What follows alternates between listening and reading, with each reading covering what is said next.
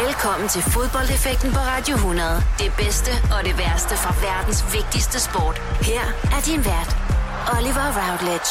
I feel glorious, glorious. Så skal vi i gang med denne uges udgave af fodboldeffekten. Vi skal læne os lidt tilbage i fodboldhistorien, synke lidt ned i de største minder og øh, de værste øjeblikke fra det, vi mener er verdens vigtigste sport. Vi skal bruge nogle øjeblikke, som vi kan dvæle os ved at nørde os igennem, og derfor så har jeg inviteret jer to Jesper Simo. Du er værter og kommentator hos uh, Discovery. Velkommen til. Tak skal du have. Og velkommen til dig, Benjamin Leander. Jo, tak. Du er tidligere dommer, og nu sidder du og nørder med en masse statistikker og debatterer omkring fodbold, blandt andet hos uh, Mediano. Det er helt korrekt. Også velkommen til dig. Jo, tak. I dagens program, der skal vi omkring uh, EM 96. Så skal vi snakke uh, Dortmund-Schalke uh, 04, en begivenhedsrig kamp, som ender 4-4. Så skal vi dykke ned i Englands miserable EM-kamp imod Island i uh, 2016, hvor du var på stadion, Benjamin og meget andet. Jeg glæder mig. Det bliver rigtig fedt, og velkommen indenfor til Fodboldeffekten. Du lytter til Fodboldeffekten på Radio 100 med Oliver Routledge. Dreng, der er jo masser af fodbold den weekend. Udover at vi har en uh, EM-final og en plads om en 3. 4. Uh, plads i VM, så starter Superligaen også. Der har i den forgangne uge været øh, kvalifikation til Europa League og Champions League. Er det lige til at holde til i øjeblikket med fodbold? Ja, det, øh, det, det er altid os. Øh, og selvom Superligaen jo, må vi sige, er kommet snigende, fordi det er i hvert fald så vidt jeg kan huske første gang, at vi har Superliga start oven i en slutrunde afslutning, øh, så synes jeg altid, der, der er noget særligt over, når, øh, når Superligaen ruller. Men det er klart, at abstinenserne er ikke så voldsomme, som hvis det havde været et, et ulige år, i hvert fald ikke for, for mit vedkommende. Men øh, der, når Superligaen kører, så, så er jeg glad og tilfreds. Og selvom det har været en forholdsvis kort sommer, så er jeg, jeg er topklar. Benjamin, hvad glæder du dig mest til ved den nye Superliga-sæson?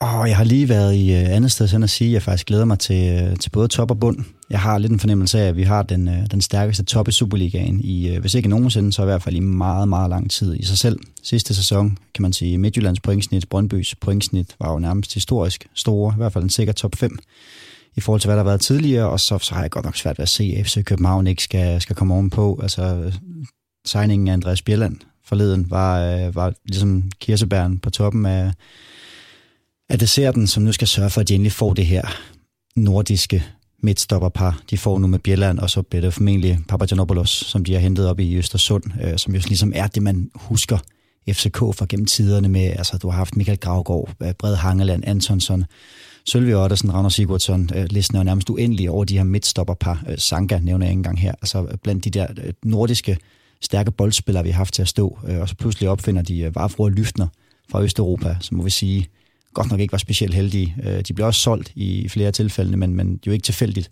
FCK havde deres værste defensive sæson i 20 år, mål på øh, mål lukket ind, og sådan generelt defensive præstationer. Så, øh, så jeg tror, det bliver et historisk tæt DM-guld. Jeg tror, vi får en historisk tæt trekamp om det også. Øh, og så er jeg ikke sikker på, at bunden bliver så nem at forudsige, selvom Vendsyssel godt nok ligner øh, det på forhånd, kan vi kalde det, øh, sikre kort på en 14. plads.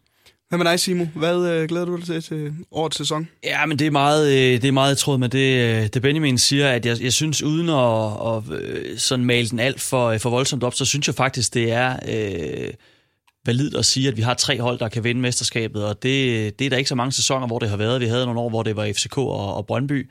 Øh, så har det været FCK og FCK, stort set. Jeg tror også, det var før seneste sæson. Jeg tror ikke, der er nogen, der regnede med, at Brøndby skulle gøre det så godt, og slet ikke Midtjylland. Øh, men jeg synes, alle står øh, stærkt, og så har du også midt i det hele FC Nordsjælland. Hvad finder de på?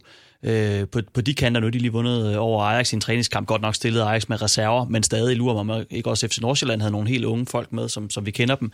Så jeg synes, der er så mange spændende ting. AGF altid interessant. Kan de bære videre på det, der vel var det bedste forår i rigtig lang tid, siden det blev nummer 5 under Peter Sørensen?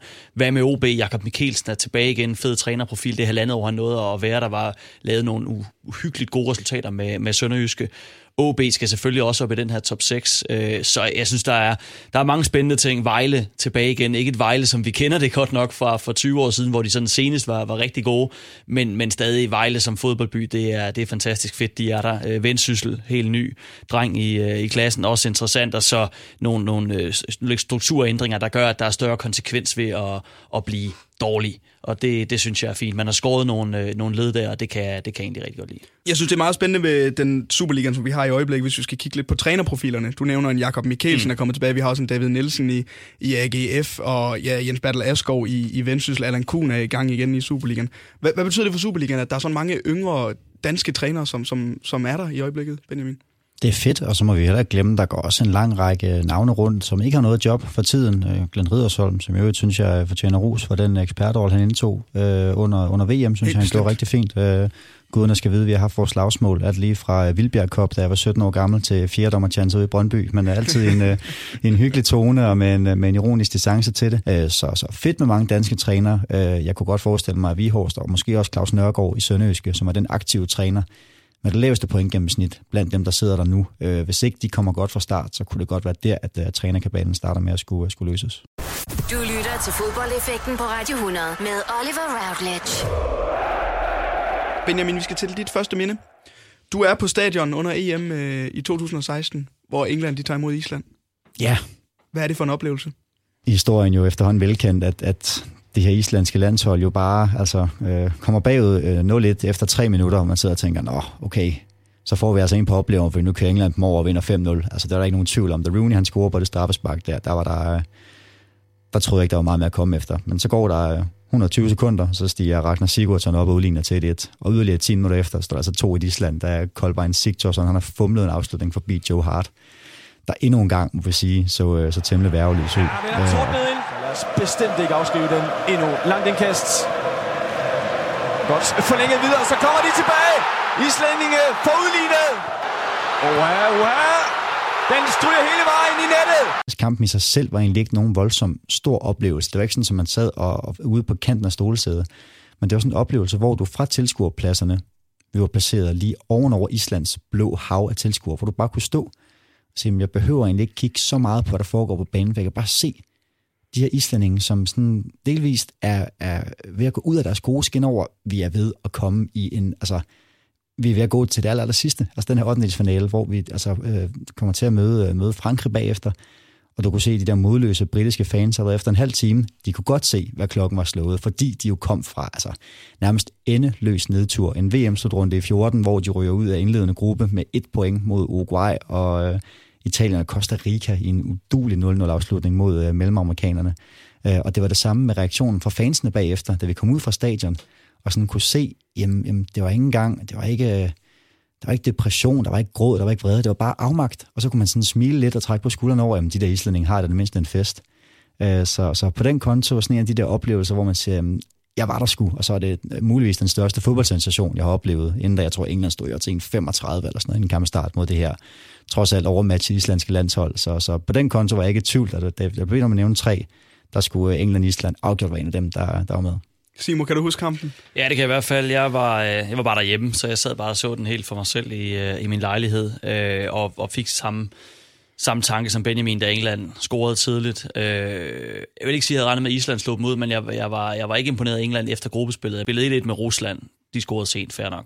Så vinder de 2-1 over Wales, hvor England scorede sent, spillede 0-0 med Slovakkerne altså, det er fint nok, men det er altså ikke noget, man ryger på røven over. Og jeg kan bare huske, at da den kamp var færdig, og Island rent faktisk var gået videre, så tænker jeg bare, at det her, det er, det er simpelthen så ringe, øh, så det, det er svært at forklare. Altså, jeg tror, øh, tror jeg sammenlignede lidt med, med 1950, der taber England, hvis jeg ikke husker helt, taber 0-1 til USA, som var et, altså under uland, når det kommer til fodbold dengang, altså europæisk fodbold, og det, der taber de englænderne, de havde selvfølgelig en helt, helt anden selvforståelse, som de også bør have. De vinder, de vinder VM 16 år senere øh, på det tidspunkt.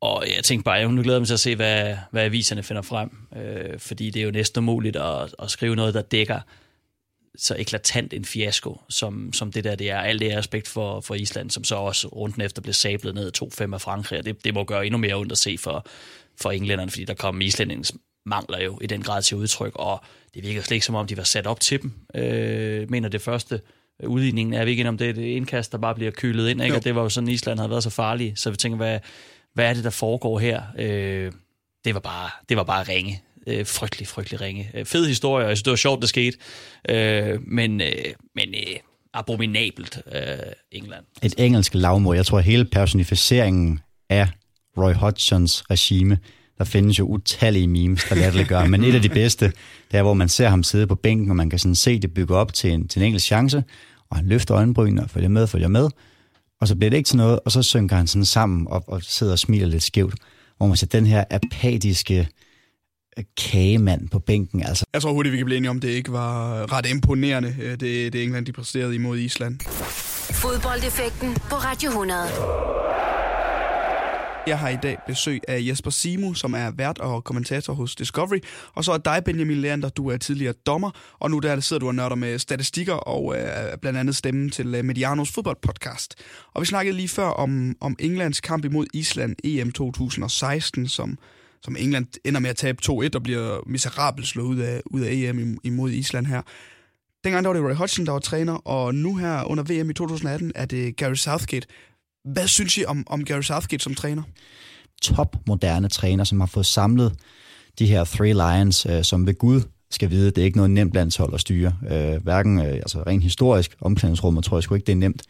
Mange glemmer også bare, når vi diskuterer landsholdsfodbold. Det er ikke så sort på hvidt. Det er ikke bare, om Sverige nu er nummer øh, 18 på verdensranglisten, og hvad det nu er, eller om det er en billig vej. Altså landsholdsfodbold handler jo om at ramme niveauet på dagen.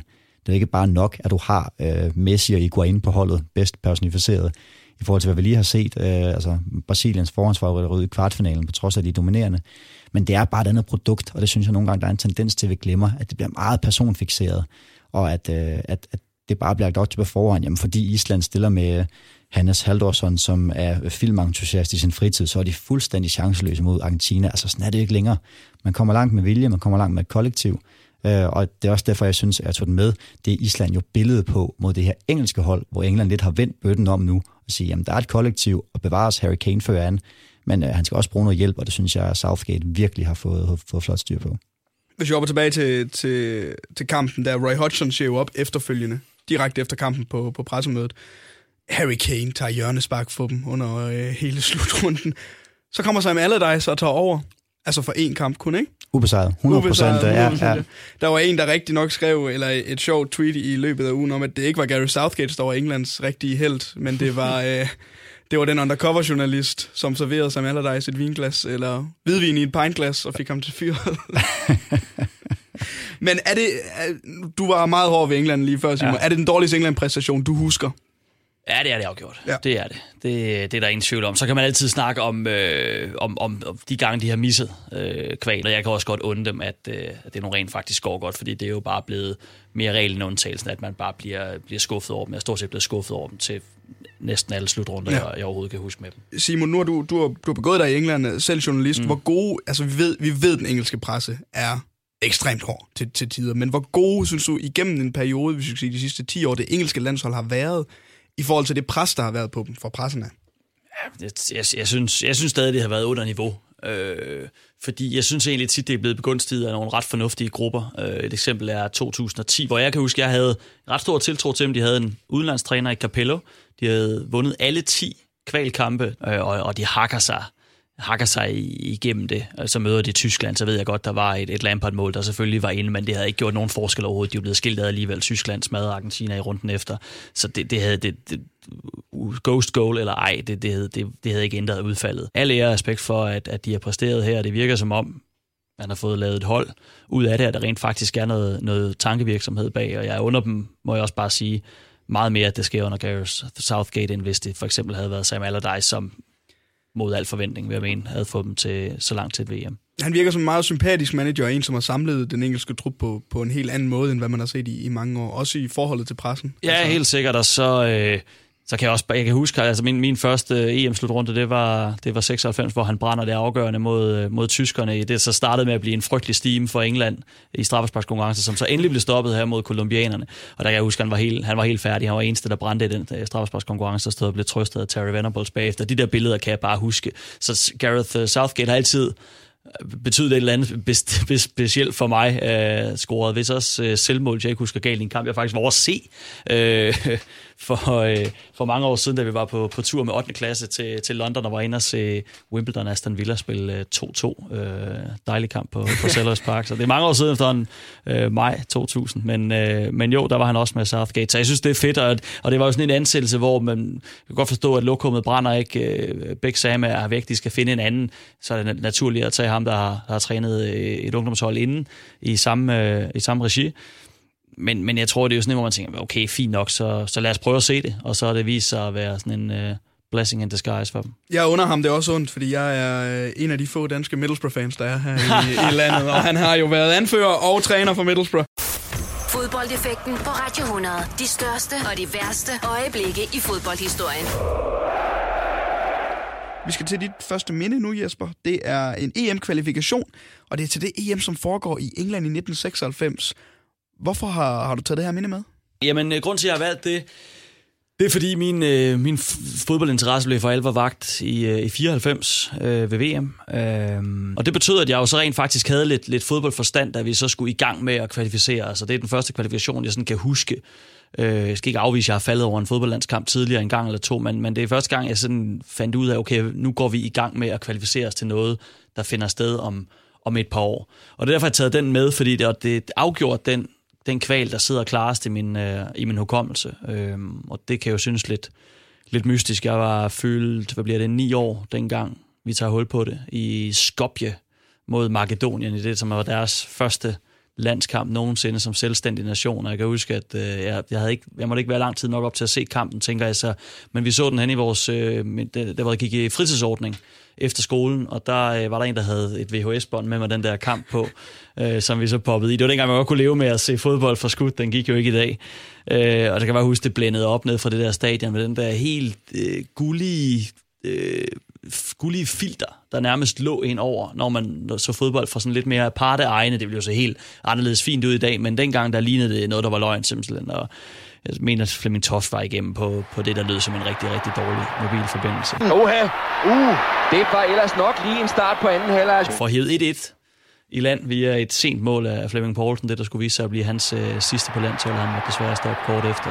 Igen en timing hos både Mikkel Bæk og i situationen her, Michael Laudrup. 3-1 til Danmark. En fed, fed kvalifikation dengang, og så vinder vi 1-0 efterfølgende over Makedonien på et mål af Peter Nielsen. Hvor, min første landskamp nogensinde. Din første landskamp. Ja. Det er med taget min farfar. Fantastisk at stå derinde. En af, en af to gule kort, Michael Laudrup får i hele karrieren for at brokke sig over, at Brian er blevet savet for 8. gang af en eller anden meget, meget obsternage dommer, hvor øh, det viser sig så 10 år efter, at jeg skulle også ind i den branche. Men øh, min første kamp der, det har så været, jeg er lige et par år, øh, par år yngre end Simo, så jeg, det har været... Øh, jeg har været 6-7 år dengang, og det er min, min første landskamp, jeg kan huske. Og så vinder vi så 4-0 bagefter over, over Kyberen, hvor det endelig bliver sådan lidt forløst. Det er der, hvor Flemming Poulsen skal, kan jeg huske, han skal sige farvel øh, inden kampen. Øh, og desværre så, øh, så sejler det for mikrofonteknikken inde i, i parken, og det, det er vildt pinligt fordi Flemming Poulsen prøver sådan ligesom at sige, jeg vil gerne sige tak for de gode oplevelser, jeg har haft, og den, den, den der mikrofon kører op og ned og sådan noget, og så, så siger Flemming Poulsen med den der drevende sådan et eller andet, øh, så jeg tror, jeg får det lort her til at virke, eller sådan, og der virker mikrofonen så lige, lige præcis der, så det gælder bare ud til de der 40.000, der er mødt fra.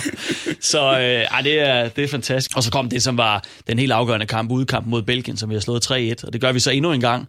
Øh, mindeværdige mål, hvor vi først kommer foran på Michael Laudrup efter øh, sløjt målmandsarbejde af den belgiske keeper. Så scorer Mikkel Bæk et legendarisk mål, hvor han får tyret bolden ind. Super hovedstød, ja. Super hovedstød, ja. Og der findes også nogle, jeg tror man kan finde på YouTube, øh, findes øh, billeder af, af Mikkel Bæk, der sidder og drikker en, en Faxe Kondi efterfølgende nede på bænken. Det var dengang, man bare måtte filme, hvor det passede ind. Og så sidder Brian Laudrup ved siden af, og Mikkel Bæk sidder sådan og fortæller på det der øh, højbjerg, eller hvor han kom fra, fra en forstads, Aarhus forstads Jysk, at han ser lige bolden kommer, og så stanger han den lige videre, ikke? og man kan se Brian, så tænker, hold da op, wow, nå, okay, og spændende og sådan noget.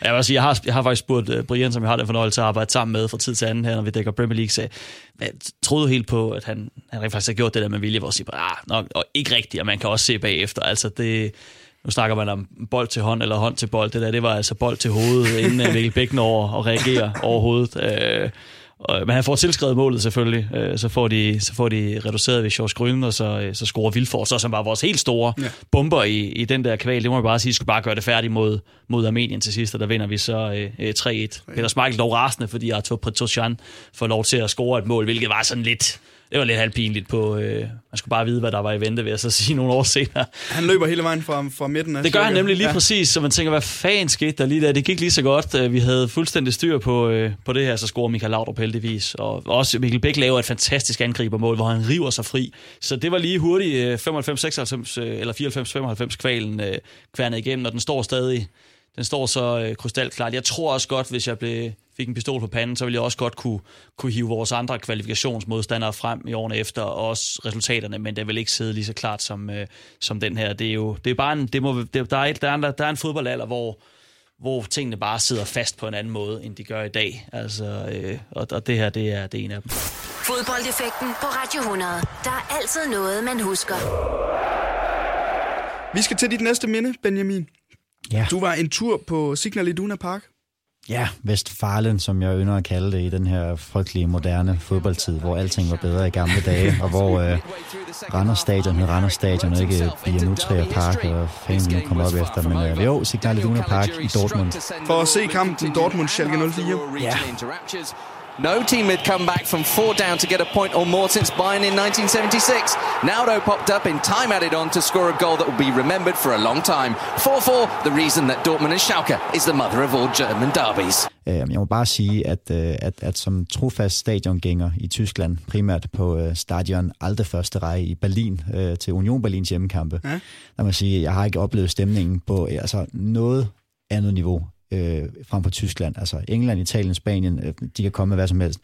I Tyskland, der er det bare, altså det er kultur. Og det er, det er hele oplevelsen, det er stemningen, og det er alt fra, jeg har set øh, regionalliga-fodbold dernede øh, med BFC Dynamo, øh, hvor der også har siddet øh, 10.000 højorienterede øh, øh, fodboldfans dernede og virkelig været, været på. Øh, men altså sådan en helt generel stemning i Tyskland er bare noget ganske særligt. Øh, så det var sådan en ren juleaften, da vi fandt ud af, at øh, der var, det var til at få billetter til Dortmund Schalke, den her kamp, som vi havde været udsolgt i, jeg ved ikke, øh, hvor mange uger og år, øh, og, og altså 80.000 på plads på Signal Iduna Park, hvor de 79.998 var sæsonkortholdere, øh, mere eller mindre med den kultur, der er dernede. Så vi købte billetter til altså tyk, tyk, tyk overpris ja. øh, på, øh, på øh, via uautoriseret vis, men øh, kom ind øh, på helt øh, legitime pladser og, øh, og er jo vidne til et, øh, et ref derby, hvor der efter 25 minutter står 4-0 til Dortmund mod et øh, Schalke-hold, som altså, spillede fuldstændig forfærdeligt. Det var, altså, var i komplet opløsning. Øh, og Dortmund-hold, som om sider under Peter Bosch, der var kommet til som en af flere efter Jürgen Klopp. Det har ikke rigtig fungeret for dem, men øh, om sider, kan man sige, begyndte at sprudle lidt under ham. Øh, og altså, det var et spørgsmål om, om det skulle stå 5-6 eller 7-0 til pause, fordi Dortmund bare sprudlede, altså angreb ned i den modsatte ende af, Gelbe Gelbevand, deres øh, famøse endetribune øh, hvor, hvor Schalke lignede træningskejler i det der, og man kunne se, at de var bare lykkelige for at, øh, at komme til pause. Og som så ofte set før, så bliver en øh, stor føring en sovepud. Schalke kommer ud, kommer på 1-4, og en helt anden energi kommer også på 2-4. Og så dummer Aubameyang sig tåbeligt tilbageløb. Klassisk offensiv spiller, der lige glemmer, øh, er hans primære opgave at score mål og ikke at takle øh, og blive udvist med 20 minutter igen. Og selvfølgelig får vi, øh, får vi 4-3 ved Caliguri i 86 og vi sidder på, øh, på den ene lange side, helt nede i det ene hjørne, og kan se ned på Schalkes fans, hvor der er blevet tyndet godt ud i løbet af kampen i forhold til de 2.000, der var med. Øh, men dem, der er tilbage, de lugter altså blod, og selvfølgelig, altså, det er så vildt med de der oplevelser, hvor man bare øh, får en eller anden, et eller andet klarsyn, og kan se, at der kommer et hjørnespark, og som en eller anden anden, altså, man kunne nærmest se lyset fra himlen, som stillede sig i sådan en lyskejle på Naldo, som tager tilløb ud fra kanten af feltet. Lige da de slår hjørnesparket, tror jeg, at samtlige 80.000 mennesker på stadion ved, at det der hjørnespark, det lander selvfølgelig lige i panden på ham, og bliver så pandet utageligt ind ja. til 4-4. Virkelig øh, godt hovedstødsmål. Sindssygt. Ja. Altså, det er bare sådan en, hvor altså, de der, øh, på engelsk kalder de det for bullets, altså ja. bare sådan en, en, en patron af en kugle, som bare bliver hamret i nettet. Og vi sad jo lamslået, altså, jeg måtte sådan lige, altså, vi sad selvfølgelig i Dortmund-området, så man kunne ikke tillade sig at juble, men, men altså, følelsen for de der Schalke-fans, som har gået igennem himmel og helvede og får 4-4 med i et kæmpe derby, øh, hvor der jo var otte gule, et rødt, øh, og jeg ved ikke hvad, underkendt varemål fik vi jo også dernede øh, for Schalkes vedkommende. Okay. Øh, så, så altså, det var sådan en, hvor man sådan, altså, gik ind på livescore bagefter, og tjekkede, hvor normalt er der jo at være to-tre mål i kampen og seks udskiftninger, og så er det det hvor der her var øh, 8 mål, 4-0 og 0-4 i øh, de to halvleje. Der var jo også lige otte advarsler, et dobbelt, et dobbelt gult og to gule kort efter kampen, hvor øh, Schalkes keeper skal ned og tiger Gelbe Vand, og hvor øh, Nordi Shahin, tror jeg, der kommer løbende og ved at komme i slåskamp med... Øh, var det Ralf Færman eller Lars Færman, der stod i Schalke, skal jeg kunne sige det. I hvert fald en, en helt sindssyg kamp. Lars Understal var det, der stod i Schalke dengang. Øh, så, så altså, det er sådan en, hvor man kigger på livescore og tænkte, ja, vi, vi var der.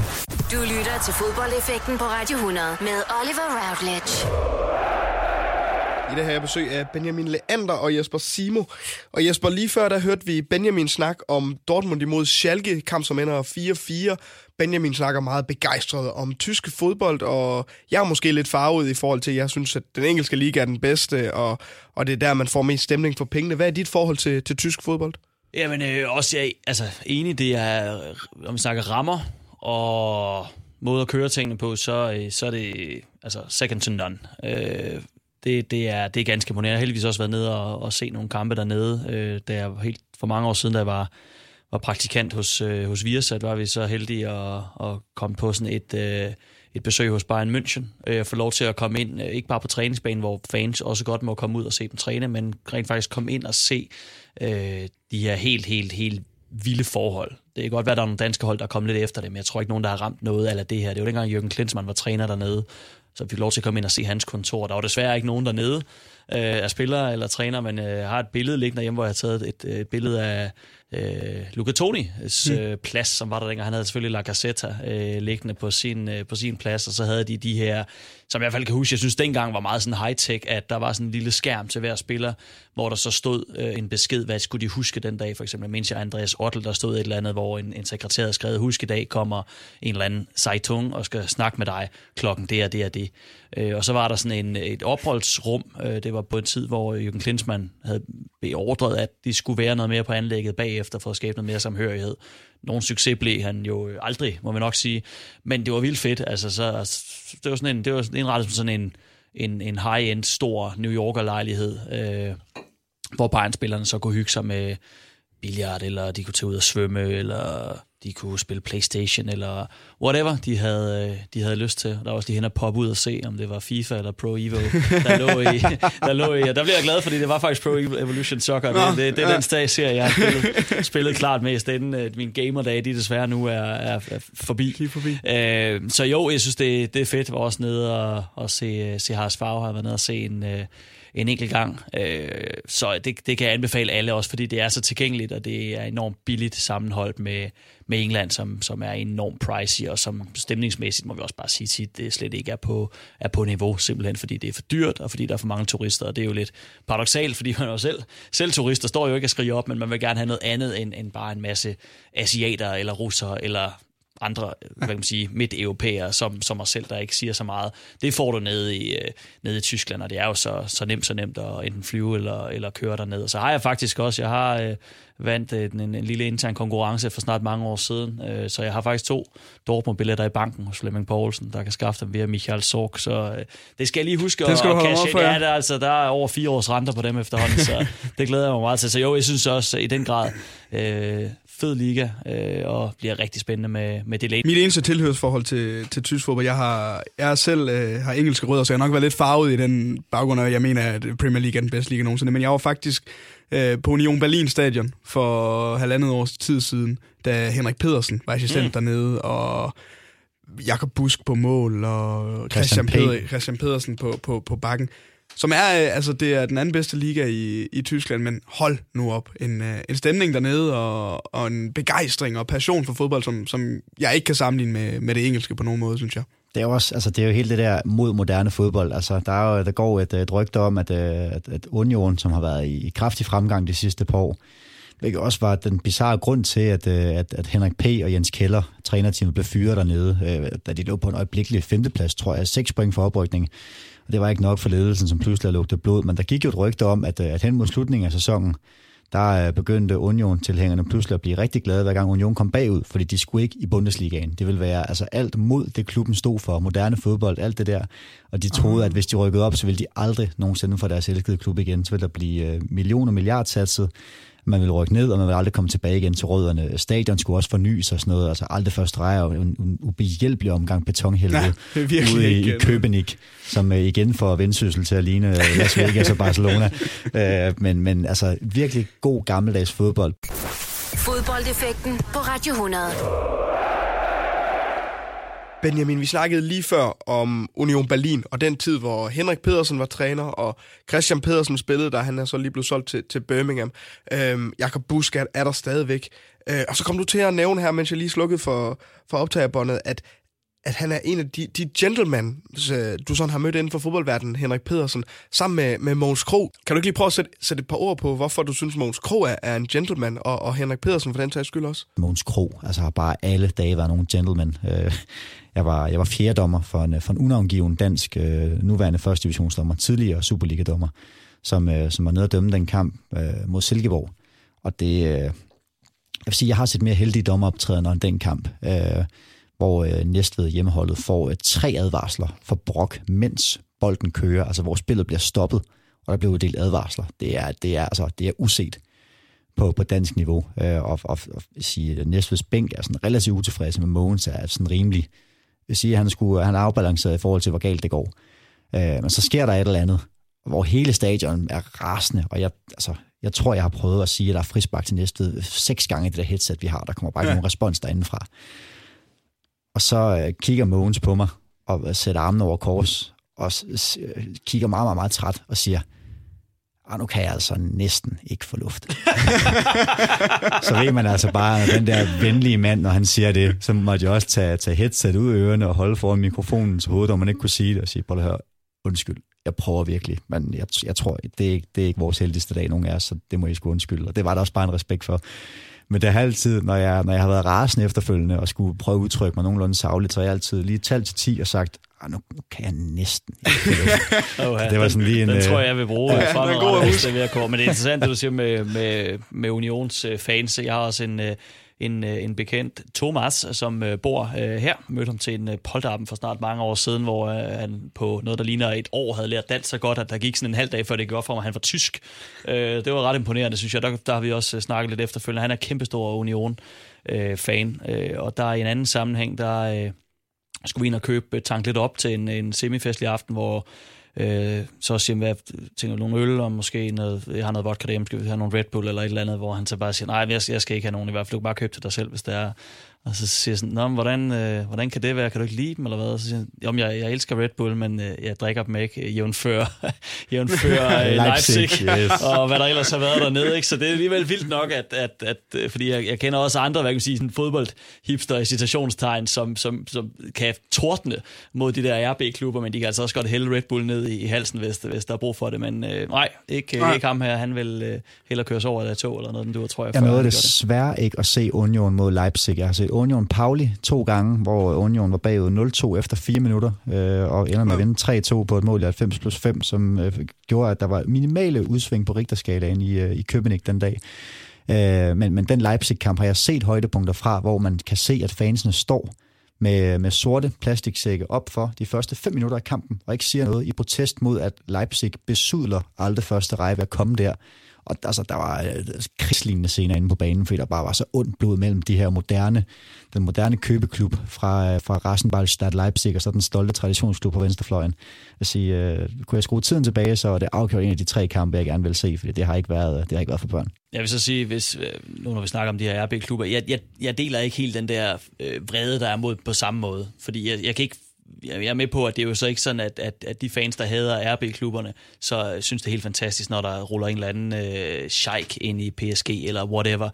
Men det er ligesom om, der er ikke samme bashing af, af, af de klubber. Der er jo mange klubber, der er ejet på, på en måde, som jeg synes er meget mindre charmerende end det, som Red Bull har gjort for Salzburg og for Leipzig for eksempel, ved at tage den lange tur op, ved at se Yusuf Poulsen løbe rundt i Lyngby, hente ham ned til Dritte Liga dengang. Øh, og den tilgang kan jeg godt lide, og jeg kan godt lide, at de rent faktisk øh, har en, en, en spilfilosofi. Øh, altså jeg blev blæst lidt bagover i et, et Europa League-studie, hvor jeg blev, blev kastet ind som, som vært her i foråret, hvor, øh, hvor vi havde et indslag om, omkring, øh, omkring RB Leipzig, hvor jeg så ligesom tager det ned, som man siger på værtssprog, øh, i studiet bagefter havde Lars Jakobsen og Morten Broen inde, hvor jeg så siger, hvad, hvad siger I til det her? Og så siger, så siger Morten Broen, siger, må jeg holde en ene tale? Og så tænker jeg, det her det bliver godt. Og så sagde jeg, det, det, skal du, det skal du have lov til. Og der sagde han egentlig noget ret rigtigt. Han siger, jeg kan, jeg kan godt lide, når nogle mennesker bliver glade. Og de er glade i Leipzig for, for det, der foregår her, fordi det har da været et, måske ikke det mest festlige sted at være efter, efter murens fald. Og det kan jeg godt følge lidt. Og der, der, der synes jeg nogle gange, man lige skal, lige skal stoppe op og tage et skridt eller to tilbage. Så ved jeg godt den måde, hvis vi går til Østrig og kigger på den måde, hvor, hvor øh, Red Bull Salzburg blev til, altså erhvervet en licens fra, fra Austria og så videre, det kan man, det kan man snakke om, det, det er mærkværdigt, men, men, men jeg, jeg synes personligt, synes jeg, det er festligt nok, når, øh, når, når, der, sker, når der sker noget godt for, øh, for et, et samfund, og jeg kan ikke helt se, at, at det er meget værre, at det er Red Bull, der står bag, frem for at det er en eller anden sheik, der bare ruller ind med, med sin jagt, og så ligesom i Malaga dengang, og så bare køber Joaquin og hvad der ellers lige er gode spillere, og så forventer at nu bliver vi, ja. bliver vi top of the pop. Der synes jeg, de tager et, øh, the long haul på, øh, på en anden måde. Men det er en større øh, filosofisk diskussion. Jeg er nok også, jeg, jeg er ikke så, hvad kan man sige, så øh, jeg er ikke så indgroet i, i, i sådan en, en gang fodboldhipsteri, at, at, at jeg kun kan, kan leve med, at øh, alle klubber skal være minimum 100 år gamle, og man må ikke hedde noget med FC og, og alt sådan noget. Der, der, er, der er jeg altså ikke. Nej. Nu, øh, hvis vi lige skal hoppe tilbage til Dortmund-Schalke-rivaliseringen. Øh, du er godt bevandret i tysk fodbold, Benjamin. Er det det største rivalisering, og derby, du sådan ser i, i tysk fodbold? Altså lige, man kan sige, at Tyskland har jo meget det her, som vi ikke helt har i Danmark med delstater. Som ja. sådan, altså det er jo noget lidt andet end bare tilfældigvis at være fra trekantsområdet med Vejle og Horsens, eller øh, være fra Frederiksberg og fra, fra øh, Brøndby Øster. Øh, der er bare noget andet i forhold til det med delstater. Øh, og det er jo det her altså, med at komme fra altså, Gelsenkirchen og Ryger, øh, og, og brage sammen der i, i et arbejderderby øh, i den forstand. Så, så altså, der er givetvis også nogle andre. Jeg har også været inde og se øh, Frankfurt mod Darmstadt, øh, som også er et stort lokalt derby på fantastiske Commerzbank Arena øh, i Frankfurt. Et af de mest imponerende stadions, jeg har mødt med en endevæg, der er muligt er mere imponerende end den, de har på, på Vestfalen, eller Signal Iduna Park, undskyld. På den konto er jeg lidt fodboldhipster, så det, det, det, vil jeg godt vedkende mig. øh, men, men altså, et gigantisk derby, og så, så altså, jeg kan godt lide, at, at, at begge hold har været igennem nogle kontraster. At sige. Altså, Schalke har jo været deroppe, altså, jeg vil sige, bedst personificeret med Ebbe Sand og det tabte mesterskab i overtiden til, til Bayern München. Jeg kan næsten mærke, hvordan det sådan, jeg får ondt i, i siden af at se, øh, lukke øjnene og se de der fuldstændig detroniserede Schalke-spillere, der meldingen kommer om, at Bayern har enten har de udlignet også, så scorer de Ja, de, de Bayern udligner i, i Hamburg på, på et indirekte frispark for Patrick ja. Andersen fire minutter ind i tillægstiden. De Søfting beskriver det ret klart i sin bog, fordi Hamburg havde ikke noget spil for det tidspunkt, de havde, de havde sikret sig overlevelse. Det var bare sådan en vakuumkamp, men de ville, de ville have jo Bayern som et ondt over. Samtidig så var det Markus Mærk, der var dommer, tandlægen, øh, og ham havde de tøfting ligeledes. så det har været rigtig svært af for, for Stig, det her. Øh, det er der ingen tvivl om, og den er faktisk også, ja, hvis man går tilbage og siger, den er lidt, jeg synes, den er hård, den, øh, den tilbagelægningskendelse, som kommer imod dem. Og jeg kan også huske, at jeg sad og så den der, jeg tror det var TV3, der havde rettighederne dengang. Svend Gers, tror jeg, kommenterede, de, de havde sgu skudt fyrværkeri og alt muligt af i, i Gelsenkirchen. Det er så også lidt vildt at gøre, kan man sige, ja, for der blæst af et, et andet sted, ikke? og det var bare det var bare surrealistisk, øh, surrealistisk oplevelse. Og så får vi jo så HSV mod St. Pauli ja, i år også. endelig, vil jeg sige. Endelig får vi Havs ned. Hvor har det været tiltrængt? Altså, det er en syg patient, der bare ventede på at, altså, at stille træskoene og blive, blive reinkarneret i en, en anden tilstand. Altså, det har jo været, været forfærdeligt at se det der forbandede ur blive ved med at tikke som en anden øh, krokodille i Peter Pan og sige, nu må du fandme da altså, tage og, at komme ud på en ny omgang der. Altså, øh, det glæder jeg mig til at se. Man kan sige, Pauli er også i en tilstand, hvor de flirtede meget med nedrykningsstregen sidste år i anden Bundesliga. Øh, men, men jeg kan ikke få nok af de der øh, traditionskultopgør og sige, lad os da få, øh, altså kom bare med Pauli mod, mod øh, Havs Far og et par af de andre også. Øh, Bundesligaen generelt, synes jeg, byder på mange af dem. Øh, altså mange nordderbis, altså de her, hvor man går i nord og syd og øst og vest, hvor jeg siger, jamen herhjemme, selvfølgelig er med på, vi har, vi har også det færre, øh, men, men altså bare Superligaen, for nu at tale den op. Altså, jeg glæder mig sgu også. Det er lang tid siden, jeg glæder mig til en mandagskamp. Men altså, mandag den 13. Ja. august, øh, øh, Esbjerg Sønderjyske på Blue Water Arena, altså endelig tilbage igen. Øh, og Esbjerg en størrelse, hvor man sådan kan sige, det er sgu, det er sgu The Young Guns mod mm. en, flok, øh, en flok relativt gamle sønderjyske spillere, men Nicky Simling og et par af de andre i spidsen. Altså, det tror jeg bliver et fedt opgør. Femte runde, ligaen har sat sig lidt og sådan noget. Det, det kunne sagtens være et potentielt bundopgør i den forstand, at jeg sagtens tror, at begge hold kan få det. De kan både få det svært, men jeg tror også, at, at begge hold har et topniveau, som kan blive, øh, blive elskværdigt at se på. Så, så altså, alle de her regionale derbis, altså, øh, jeg spiser dem morgen, middag og aften. Fodboldeffekten på Radio 100. De største og de værste øjeblikke i fodboldhistorien. I dag har jeg besøg af vært og kommentator hos Discovery, Jesper Simo, og så har jeg besøg af dig, Benjamin Lander. Du er tidligere dommer, og nu sidder du og nørder med statistikker og omkring fodbold, og sidder og, og snakker i podcast også, blandt andet i, i Mediano, og vi er rigtig glade for at have begge to her i dag. Vi skal til dit næste minde, Jesper Simo. Det er VM i 98, men vi hopper let og elegant gruppespillet over og hopper direkte ind til det, som alle de husker VM 98 for. Nigeria-kampen og senere Brasilien-kampen i kvartfinalen. Hvad var Nigeria-kampen for en af? Hvad var forventningerne inden den her kamp? Alle var indstillet på, at det var, det var 90 minutter, og så, så skulle vi hjem igen. Yeah. Fordi Nigeria havde set fantastisk ud. Det var sådan et hold, der stiftet lidt bekendtskab med dem i, i 94, så vandt de OL-guld i 96. Jeg ved godt, det er en lidt speciel turnering, men Nanko Kano var blandt andet med at vinde 4-3 dengang over, over Brasilien, øh, blandt andet på vej til, øh, til titlen. Og så, øh, og, og så i 98 har de også lavet et rigtig godt gruppespil, hvor de slog Spanien 3-2 i en superkamp. Øh, så jeg tror, alle havde regnet med, at det, det, var, det var så det. Ja. Og det tror jeg også, det sådan husker jeg det også selv, jeg, jeg så den hjemme ved, ved min far, hvor sådan en dejlig sommeraften naturligvis, hvor jeg lige havde sat sig, Peter Møller, jeg snakkede om ham før, starter inden, overraskende for alle, og så går der ikke mere end fire minutter, så pludselig ligger den dernede bag Peter Rufai, og jeg kan huske, sådan helt ud af kroppen oplevelse, og var sådan helt op at køre, og så før vi har set os om, så står der 2-0, efter Peter Møller har afsluttet på et, et frispark, der bliver trillet til ham med halen, og så, så står øh, Peter Rufai øh, ikke lige sin bedste kamp, det vil sige, Brian Laudrup kan nemt score. Øh, og jeg bare tænkte, hvad, hvad, hvad fanden er det, der, der foregår her? Øh, og det var faktisk stadig en kamp, hvor Nigeria især første leg har rigtig mange chancer. Øh, J.J. Okocha øh, gjorde det til en lang aften for, øh, for Søren Kolding, øh, uagtet at vi ender med at vinde hmm. sikkert. Fede spillere også, de havde generelt et ja. rigtig fedt hold dengang Nigeria. Det var, det var også det, der gjorde det, gjorde det endnu vildere, ikke? Og, og så bliver det jo bare ved med at blive bygget på. Altså det, det mål, som, som Ebbe Sand scorer, udover at det er specielt at komme ind og score så tidligt efter at være blevet skiftet ind, altså jeg synes, det er et af de mest selv uden klaphat. Jeg synes, det er det mest undervurderede mål i VM-historien. Ja, hvis man ser, jeg har set flere forskellige klip med andre kommentatorer fra andre lande, også engelske, og det er altså ikke noget, der sådan bliver bemærket yderligere, at Michael Laudrup laver, laver det vip. Og jeg ved ikke, om det er, fordi man bare er vant til, at der kommer sådan noget fra, men det er så sindssygt lavet. Han får den lille smule heldigt bolden med, men ellers han kigger, kigger væk og vipper den så med ydersiden af foden. Perfekt op. Og Ebbe Sand tager den forbi med Taribo West med hovedet og scorer så sikkert. Der kunne Peter Rufai så ikke gøre noget. Øh, helt forrygende mål. Og der ved vi jo sådan, at er hjemme. Og så, og så er det jo bare en, en kæmpe fest øh, fra... Øh, fra det punkt. Øh, og så får Thomas Helve også lige pludselig scoret, bare lige for, altså, så ved man, så kan alt der sig gøre. Ikke? Jeg mener, han har lavet et landsholdsmål på det tidspunkt, en, en sidste venskabskamp før EM 96, hvor han scorer langt ud fra mod, mod Ghana, efter deres målmand var kommet på, på vildtur.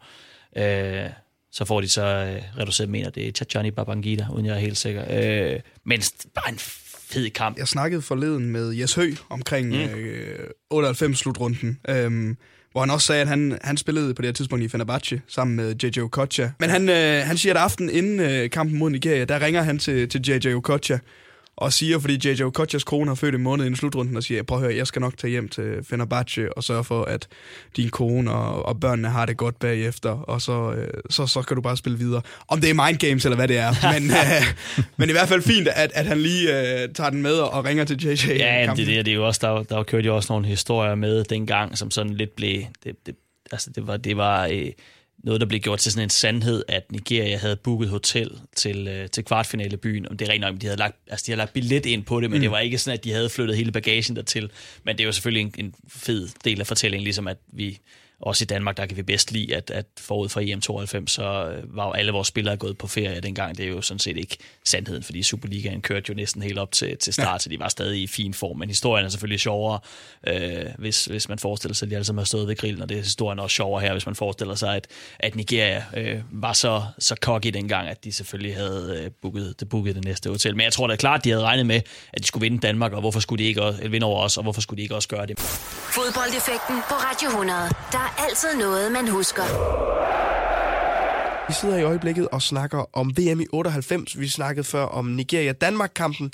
Og nu ryger, så ryger vi jo så, efter vi slår Nigeria flot 4-1, så ryger vi så i, i kvartfinalen og skal spille mod Belgien. Hvor stort er det?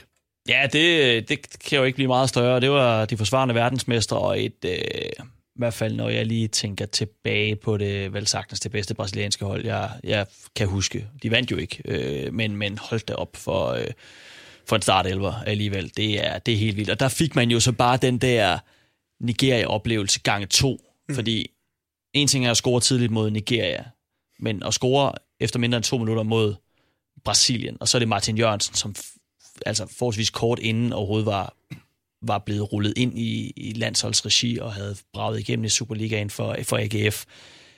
Det, det var helt vildt. Altså, jeg tror, det er den, den vildeste ud af kroppen oplevelse, jeg har haft i, i mit liv sammen med et, et bungee jump i Alanya nogle år senere, og, og så videre. Altså, det, det, det, var, det var så vildt, at, at jeg kunne slet ikke finde ud af, hvad jeg skulle gøre af mig selv. Jeg sad og så den igen sammen med min, øh, sammen med min far derhjemme, og jeg kan huske, at dengang vi kommer foran, så løber jeg bare sådan spontant hen og glider på knæene hen af vores skål, som var øh, af træ i øvrigt. Og det, det vil sige, at jeg smadrede min knæ fuldstændig søndret sammen. Og jeg kunne huske, min far sådan manede til ro og sagde, nu, nu skal vi lige se, hvad der skete ved det mål, ikke? for det gik så skide hurtigt, fordi øh, de, øh, de wiper ud, som det hedder, de klipper ud af en, en replay, de er ved at køre. Peter Møller har trukket et frispark, og det vil sige, man er sådan helt, lige så Brian Laudrup nede på, øh, på mållinjen, og tænker, hvad, hvad fanden er der foregår her? Slår den skråt tilbage, og så bang, så sidder den der fra, fra Martin Jørgensen, ikke? Og Carsten Værge, der kommenterede kampen glimrende, kan jo heller ikke være i sig selv og skriger bare mål. Øh, fordi, hvorfor skulle man ikke også gøre det? Ja! 2-2! Brian Laudrup! Svært at holde sig neutral i hvert fald for uh, Ja, ja, det skal man jo heller det, det, ja, ja, det, så, så det skal man jo heller ikke gøre her. Øh, og Jamen, det var sådan en kamp, hvor øh, de har jo egentlig de har sin skruetving i Brasilien. Så, øh, så er vi heldige, at Roberto Carlos han, han vælger at, lave det her kikset. Øh, så kommer jo et sindssygt højt op, hvis man ser den igen. Det er helt sindssygt så højt, hans tryk er. Øh, vælter jo ned bagefter, og så er det bare til en afslutning af Brian Laudrup og så den her legendariske jubelscene med, med Søren Kolding. Og jeg er simpelthen så ærgerlig over, at vi ikke fik den forlængede spilletid, fordi jeg ved godt, at, at vores egne spillere jo måske har en, en anden opfattelse end brasilianerne, men jeg har bare spurgt ind til flere af dem, Stig Tøfting, Søren Kolding, Brian Laudrup, og alt som sagt, de havde en klar fornemmelse af, at brasilianerne de var ved at være møre ja. rent fysisk, og det vil sige, at jeg tror som minimum, vi kunne have presset mod en strafsparkskonkurrence, og der vil, der vil jeg altså godt tage den ind i dag med, med Smeichel mod, mod Taffarel. Øh, og på Smeichel, Spiller ikke den bedste kamp? Jeg synes, han skal tage den sidste. Jeg synes, ja, det, det, det får du ham aldrig til at sige selv, men, men det synes jeg jo. Øh, og det er, når man, altså, det er jo sådan en kamp, hvor altså, hver gang jeg ser billederne, og man kan næsten, de, de kører også fra min indre skærm, bare når jeg, jeg hører øh, Værge speak her, bliver sådan lidt, altså bliver ærgerlig over det, ligesom jeg vil blive ærgerlig over at se den strafsparkskonkurrence mod kroaterne om 20 ja. år, øh, fordi vi havde sgu muligheden her for, for at vippe brasilianerne ud. Øh, og det er bare, det er skide ærgerligt. Altså, det, det er ikke ender sådan. Mark Rieber har det hovedstød på overlæggeren til sidst, men det var sådan et hovedstød, hvor man bare, man vidste godt, den ikke gik ind. Altså, det, det, det, du kunne sagtens se den ramme stang, men du kunne bare se, den, den, den går ikke ind, den der. Og, men, men fantastisk oplevelse, ikke? Og gjorde, jeg husker, jeg begyndte at græde bagefter, dengang vi var ud, selvom jeg var øh, næsten 13 år, ikke? Men, men sådan er det jo, og det skal der også være plads til en gang imellem. Det er en sindssyg ud af kroppen oplevelse, som Simon siger. Også fordi, altså, dengang var det bare det der med, altså, jeg tror sgu ikke nødvendigvis, at der er noget hold, som minimum i, i Europa, hvis vi kigger på UEFA-kvalifikationen. Jeg tror ikke nogensinde, jeg ville stå med den følelse, at hvis Danmark kom foran efter, øh, efter et minut mod England, Tyskland, you name it. Altså, vi har jo spillere fra de ligaer i dag, så selvfølgelig vil det være en sensation, hvis vi tager det over, eller også bare på hjemmebane og vinder. Ja men bare ikke på samme måde. Altså det der med at møde, altså Simon sagde det, Rivaldo, altså øh, og Ronaldo, Ronaldo øh, Fenomeno, Bebeto, øh, altså alle de der, må man bare sige, jamen, vildt, vildt, vildt hold. Altså der var vi bare lille Danmark dengang, og der har fodbold jo bare udviklet sig til, at jamen, det kommer vi bare ikke til at blive længere. Altså, selv ikke hvis vi mødte Brasilien i dag, altså ville der sådan være at sige, jamen, altså prøv lige at høre, altså, så havde det altså heller ikke været en lille opgave at sætte, sætte Christian Eriksen over for, øh, for Paulinho, altså på midtbanen. For eksempel, altså jeg ved godt, det lyder vanvittigt at sige, men sådan er det jo ikke, når vi har de der stjernefrø. Og det er igen det der med, at fodbold var bedre i gamle dage, og, og, at den følelse der med at sige, altså jeg kan også selv huske det, jeg sad i min farmor og farfars sommerhus og så den på svensk TV4, øh, og, og, og kunne se øh, jamen, altså, Martin Jørgensen score til 1-0, og jeg tror, jeg tror, det er det mest ikoniske føringsmål, jeg kom i tanke om, altså sådan, altså nogensinde sige, jamen, der er Brasilien 1-0, den der følelse, sådan som i, det sker det her. Altså, det må ja. være sådan, Island har det, hver gang de scorer mod, en, mod et storhold. at sige, jamen, altså, det, det er en fantastisk kamp, og som, som Simon rigtig siger, en, en, en smuk afsked, hvor øh, afsked mod Kroatien jo var, var alt andet end det. Ja, der slog man tilbage med en fornemmelse af, at man kunne have gjort mere, og det tror jeg alligevel ikke spillerne som sådan gjorde i, i den her kamp. Det lød ikke sådan på Høgh i hvert fald, da jeg snakkede med ham omkring, han sagde, mm. ja, vi, vi kunne have vundet, vil han, vil han godt sige. ikke, vi burde have vundet, men, ja. men vi kunne have vundet den her kamp. Ja, jamen, lige præcis. Ikke? Og, og det var egentlig sjovt, at, at jeg, jeg var i, i sommerhus her til, til den her seneste 8. finale mod, mod kroaterne, og gik sådan og tænkte i dagen, øh, gad vide, om vi scorer tidligt igen. Altså, men det, det virker lidt urealistisk, at vi skulle mm. toppe. Mm. Altså, fordi Peter Møller, det var fjerde minut, øh, Jørgensen, det var andet minut, og jeg tror, Sanka lige bliver registreret i andet minut, men den er meget, meget tæt på at være første. Ja. Ikke? Og der havde jeg også lige fået plantet mig med hund på den ene side, og så et glas rosé øh, på den anden side. Og det, det, tror jeg jeg ned i tre sekunder, og så røg jeg så op igen, fordi jeg tænkte bare, hvad, hvad fanden er det nu, der foregår? Nu, nu er vi foran igen. Øh, så det er jo fedt stadig at få de der, få de der oplevelser. Øh, og nu, det, nu snakker vi om, om tilhørsforhold tidligere, øh, og det er jo rigtig nok ligesom det lidt lakrids, når man er, er fodbolddommer. øh, så er det jo selvfølgelig også et problem, hvis man er som mig øh, dækker fodbold, og der er nogen, der har helt fint med at sige, hvem, hvem holder de med. Jeg har det så også fint med at sige, men jeg har ikke noget hold. Altså, der er mange, der spørger mig tit, øh, og det er jo svært at bevise. Øh, altså, her er et billede, hvor jeg ikke har en fodboldtrøje på, og det beviser så, at jeg ikke holder med. Altså, jeg, øh, da, da jeg begyndte at interessere mig for fodbold der i 90'erne, der, øh, der stod jeg, tror det være, selv på mål, i og med, at det var syvmands, det vil sige, målet var ikke vokset Nej, var fra mig endnu. øh, og derfor var det meget naturligt at holde med øh, Peter Schmeichel, og dermed også Manchester United, og det kørte sådan ind til, ja faktisk før deres triple-sæson, men så er det fadet ud siden, og der er intet, intet i det nu. Altså, jeg er fra Silkeborg, synes, at det er fint, når klubben er i Superliga, men det er altså ikke sådan, at jeg ligger, ligger søvnlys og også dækket masse gange, ja. øh, og folk er velkommen til at, at gå tilbage og se, altså det er fuldstændig fair and square.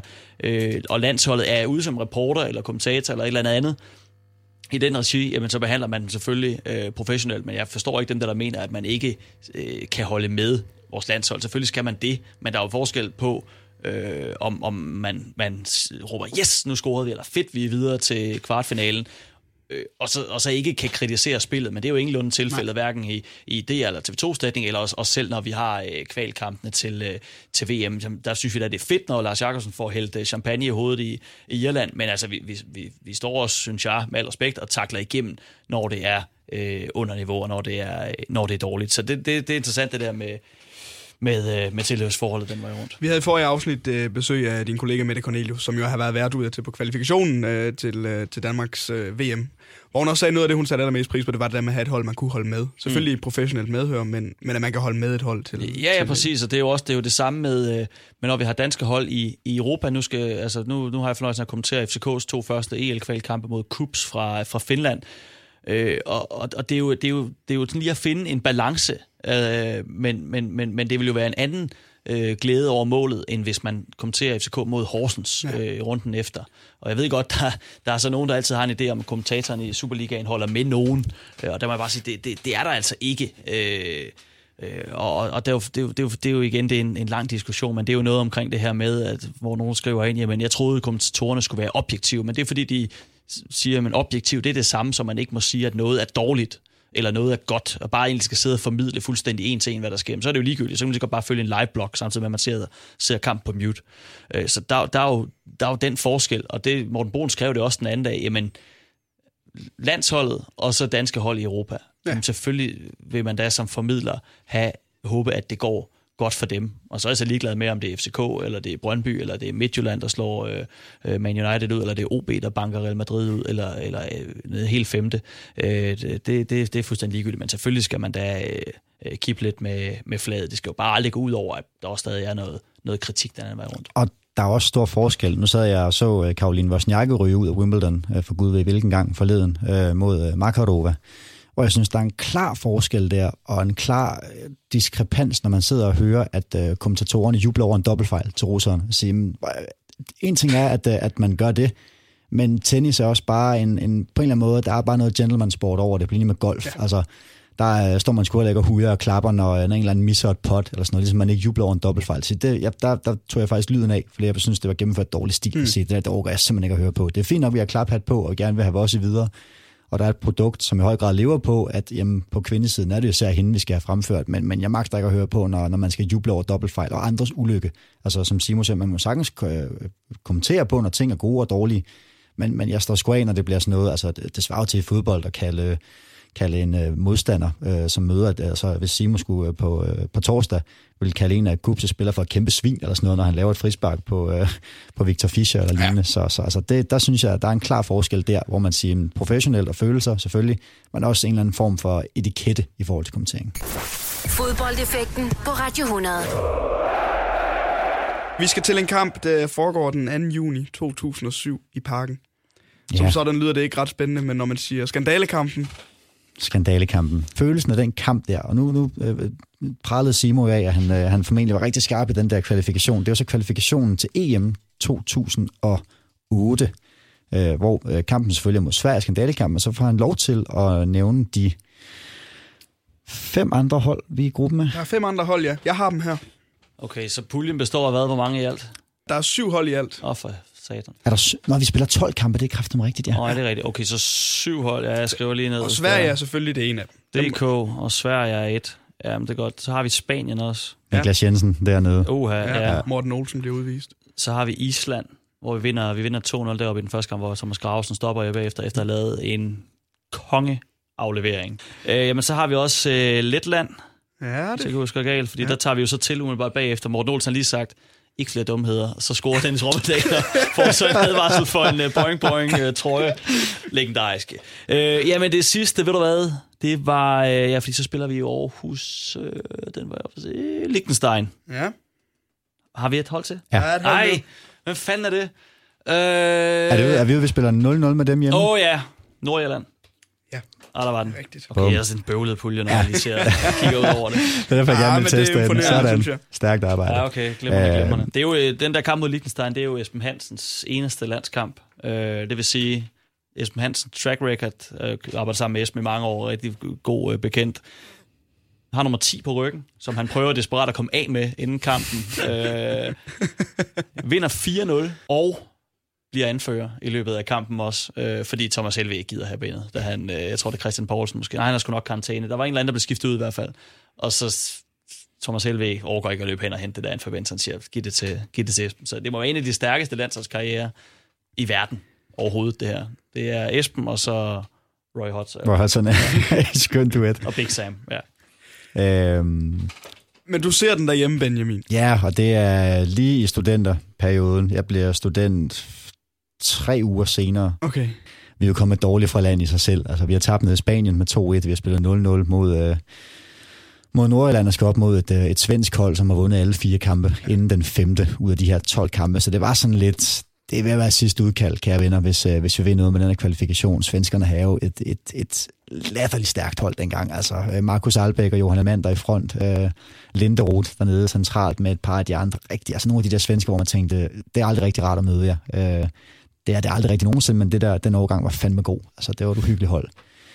Øh, og jeg behøver ikke øh, ramse op. Altså, der går, øh, går der under en halv time, så øh, er vi bagud øh, 0-3 på øh, to Johan Elmander-mål Ja. i parken, øh, hvor øh, det hele bare er, altså, det var noget møg. Det var fuldstændig forfærdeligt, og, og altså, redder de indsats hele vejen igennem.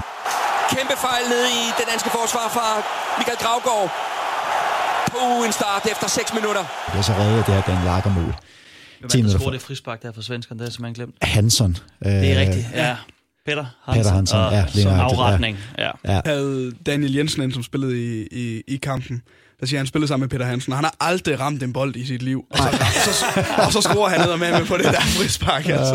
Øh, altså, legendarisk kamp. Altså, Ja. Arker 1-3, kan jeg huske, der sad man og tænkte, okay, det er sgu ikke det dårligste tidspunkt. Øh, en gammel traver, men det sgu ikke det dårligste tidspunkt lige der øh, 9 minutter inden pausen. Øh, og så kan man jo se fra starten af den anden halvleg, der er det jo bare one-way traffic. Altså, Jon Dahl 2-3, og så lever den jo. Leon Andreasen øh, kommer ind og hammer den ind til 3-3, og der sidder man jo bare og tænker, "Jamen, det er et spørgsmål om tid, før 4-3 kommer fra helvede. Altså, nu lever vi jo. Leon Andreasen. Godt spark. Godt spark, Leon Andreasen. En kikset aflevering faktisk over for Jesper Grønkær. Blev lige pludselig til noget positivt. Og indskiftet Leon Andreasen laver et mål, som kan få vital i den betydning. her gruppe. Øh, Vi har en hjemmekamp mod Spanien til at rette op på, og nu er vi til svenskerne, altså roligt, det skal nok gå det her. Og så den der, jamen, den der fornemmelse af, at, at, at, at det sker simpelthen ikke, det her.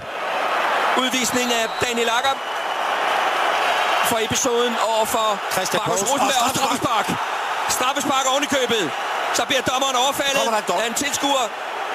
Det er ikke, det er ikke godt, det her. Nej, det er meget, meget, meget, meget skidt. Det er Christian Og så følger så de der sekunder, hvor ham øh, fodboldtossen flyver ind og er ved at pande ham, Herbert Fandel, et par på hovedet, hvor Michael Gravgaard øh, må bruge alt det, han har oplevet Randers nogensinde til at stille sig op så, som dørmand der og, og, og få, få ham tossen ud af banen. Men, men det der billede af, at de panorerer op, og der står, at vi har tabt 3-0. Der kan jeg huske, der fik jeg sådan en, en uro i maven, sådan, som i sådan, hvis man har haft en rigtig ubehagelig drøm, og vågnet op og kan huske de sidste sekvens af den, så var det den der. Danmark er taberdømt 0-3. Fodboldeffekten på Radio 100. De største og de værste øjeblikke i fodboldhistorien. Og for første gang i den relativt korte øh, tid, vi har sendt, så skal vi nu have en treenighed foldet ud til et minde. Ja. Jesper Simo.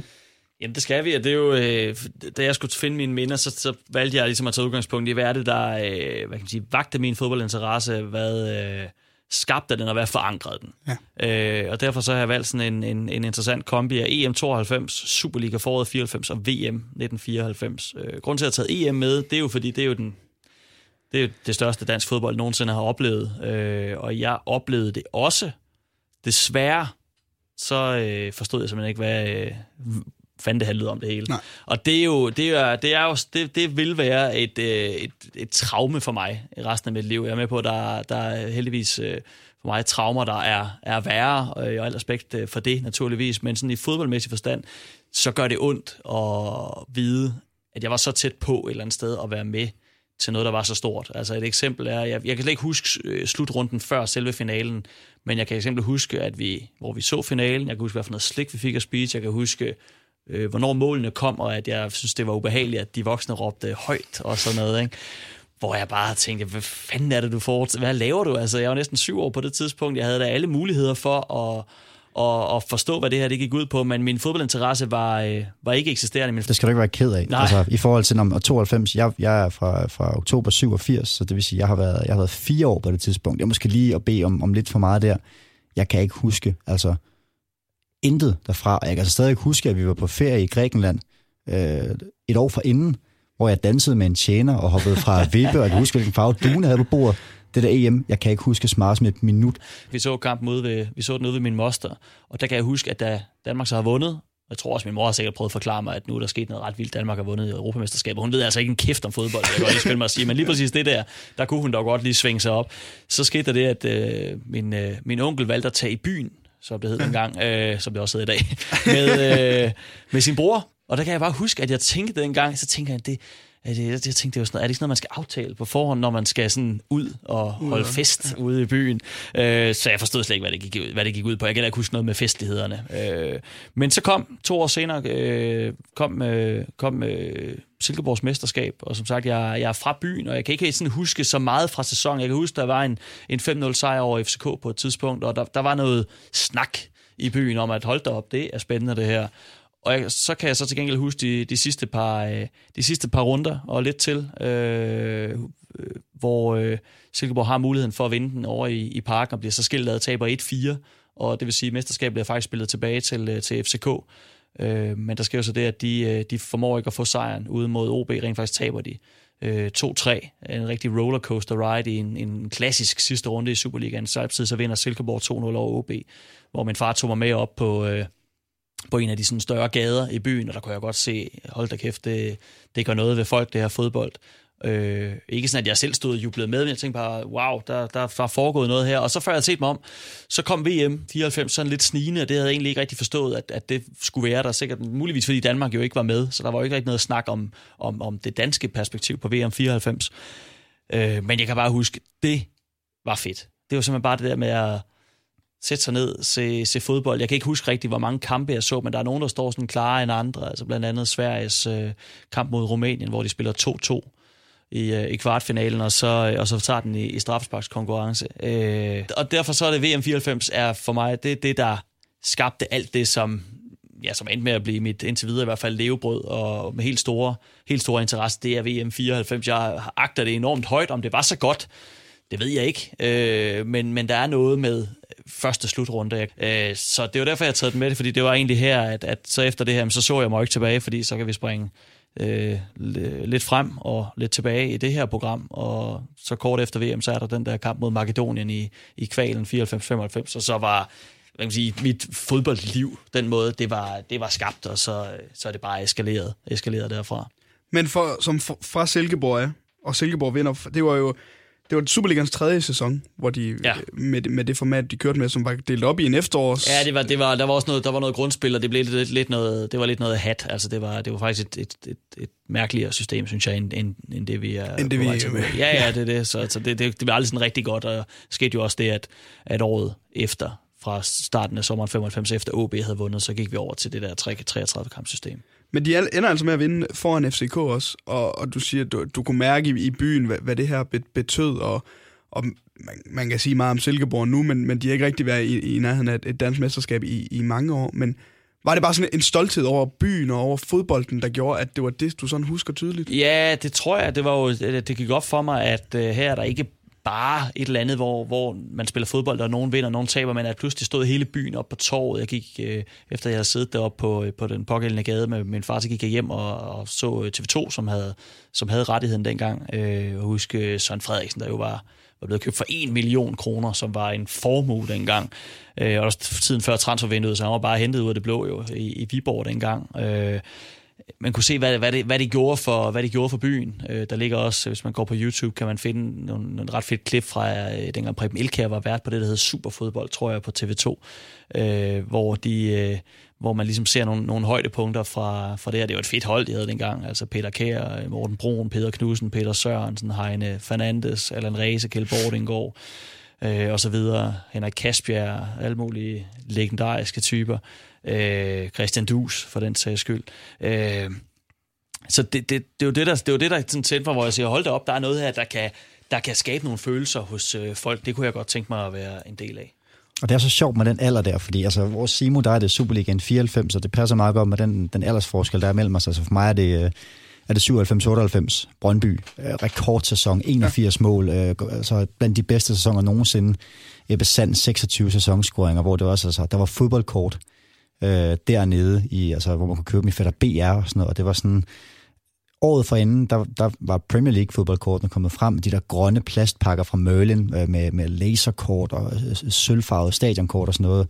Jeg kunne huske min øh, matematiklærer, Joachim Rask, det er jo så, hvad, 22 år siden nu-agtigt.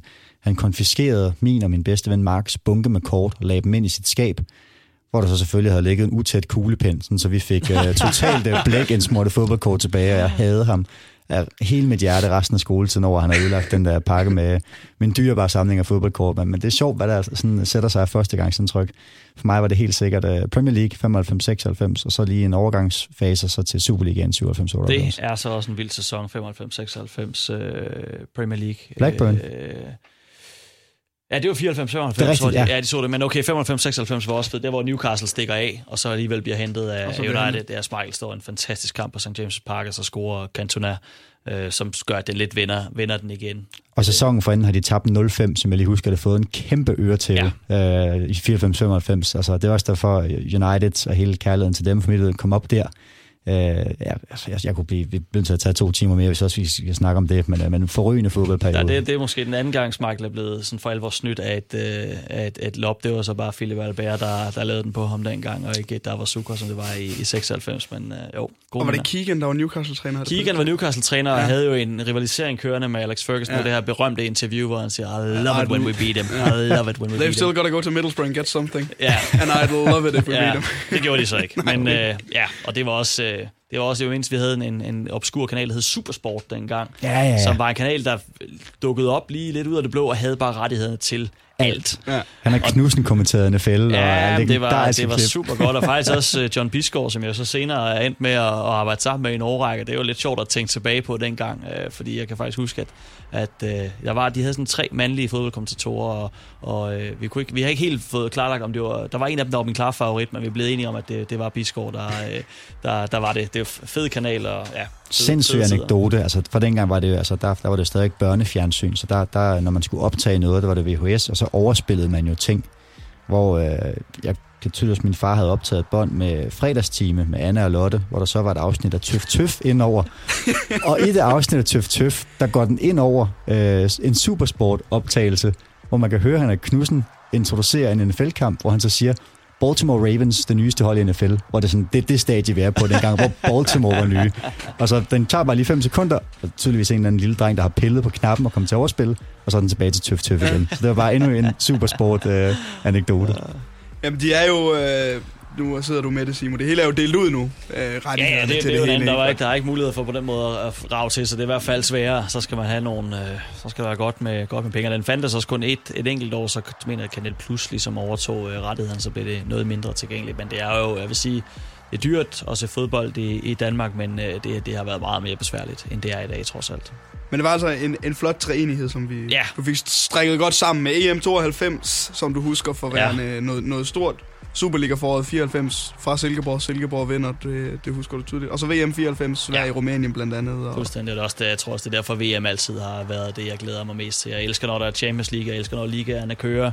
Det er super fedt, men for mig den, den fedeste måned i løbet af fire år, det er, det er lige præcis sådan en, som vi har gang i nu, nemlig når der, når der er VM. Det var ordene i uh, fjerde udgave af fodboldeffekten her på Radio 100. Tusind tak til jer to, Jesper Simo og Benjamin Lander, fordi I har lyst til at komme herind og dele jeres minder. Det var så lidt. Velbekomme.